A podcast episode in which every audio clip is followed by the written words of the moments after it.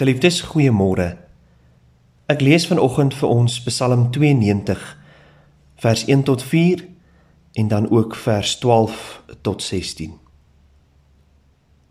Dit is goed om die Here te loof, om u naam te besing allerhoogste, om elke môre van u liefde te getuig en elke aand van u trou, om dit te doen met snaarinstrumente, met harp en lier. U groot dade, Here, het my baie bly gemaak. Ek wil juig oor wat U gedoen het. Ek kyk op my teenstanders neer. Ek luister sonder vrees na die mense wat niks ontsien nie. Wat in opstand teen my is. Die regverdiges sal sterk wees soos palmbome, soos hoë seders op die Libanon. Hulle vind hulle krag in die huis van die Here en groei op in die tempel van ons God. Selfs in hulle ouderdom sal hulle nog toeneem in krag. Hulle sal fris en lewenskragtig wees. So sal blyk die regverdigheid van die Here dat daar by hom geen onreg is nie. Hy is my rots. Ek lees net weer vir ons vers 14. Hulle vind hulle krag in die huis van die Here. As ek hierdie Psalm lees, dan sê ek vir myself, dit is mos hoe dit hoort. Om 'n loflied oor God se liefde en trou te sing. Om dit soggens en saans te doen, elke dag, heeldag. En om behoorlike begeleiding by te voeg sal net help, want dan sal dit wyd weer klink. Jy sien die Here se kinders, ons, ek en jy, het baie om oor dankbaar te wees.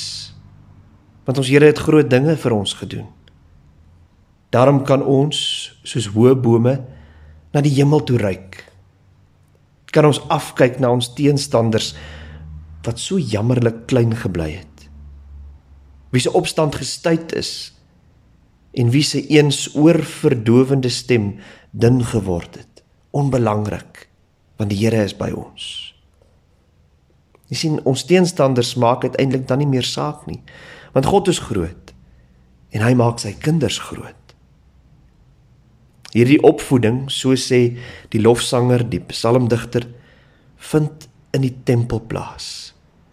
Dit is waar die groeikrag vandaan kom. Hoe dan anders? In die Here se huis gebeur groot dinge met klein mensies. Hier leer hulle hulle Here ken as Vader van die huis. Hier leer ken hulle hulle plek voor hom.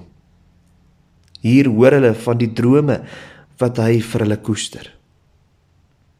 Dit bly hulle by hulle lewe lank. En dan sê die psalmdigter selfs wanneer hulle oud geword het. Ja, selfs wanneer ek en jy oud geword het en ons kragte afneem, staan daar sal ons steeds geken word as 'n toring van krag, 'n sieraad om na op te sien. En ons kan net die Here loof want dit is sy werk. Ons weet helaas ook dat hoë bome die meeste wind vang. En dat sulke winde dikwels verniel en verwoes.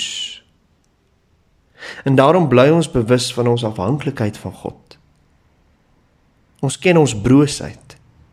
En ons weet dat ons immer die teiken van boosheid sal wees en bly. En daarom waak ons sonder ophou om geanker te bly in hom wat ons hierdie hoë bome, hierdie palmbome, hierdie seders van die Libanon geplant het. Kom ons bid saam. Here ons Here, baie dankie Here dat U vir ons kom beloof het dat U die een is wat vir ons krag gee vir elke dag. My gebed is Here dat elkeen wat U loof, wat U prys, wat U ken, U dien, uiteindelik hulle krag by U sal vind. Na U huis toe sal kom en daar U naam sal aanroep, U lof sal kom besing. Na U woord sal kom luister sodat ons uiteindelik sterk kan wees in die lewe daar buite.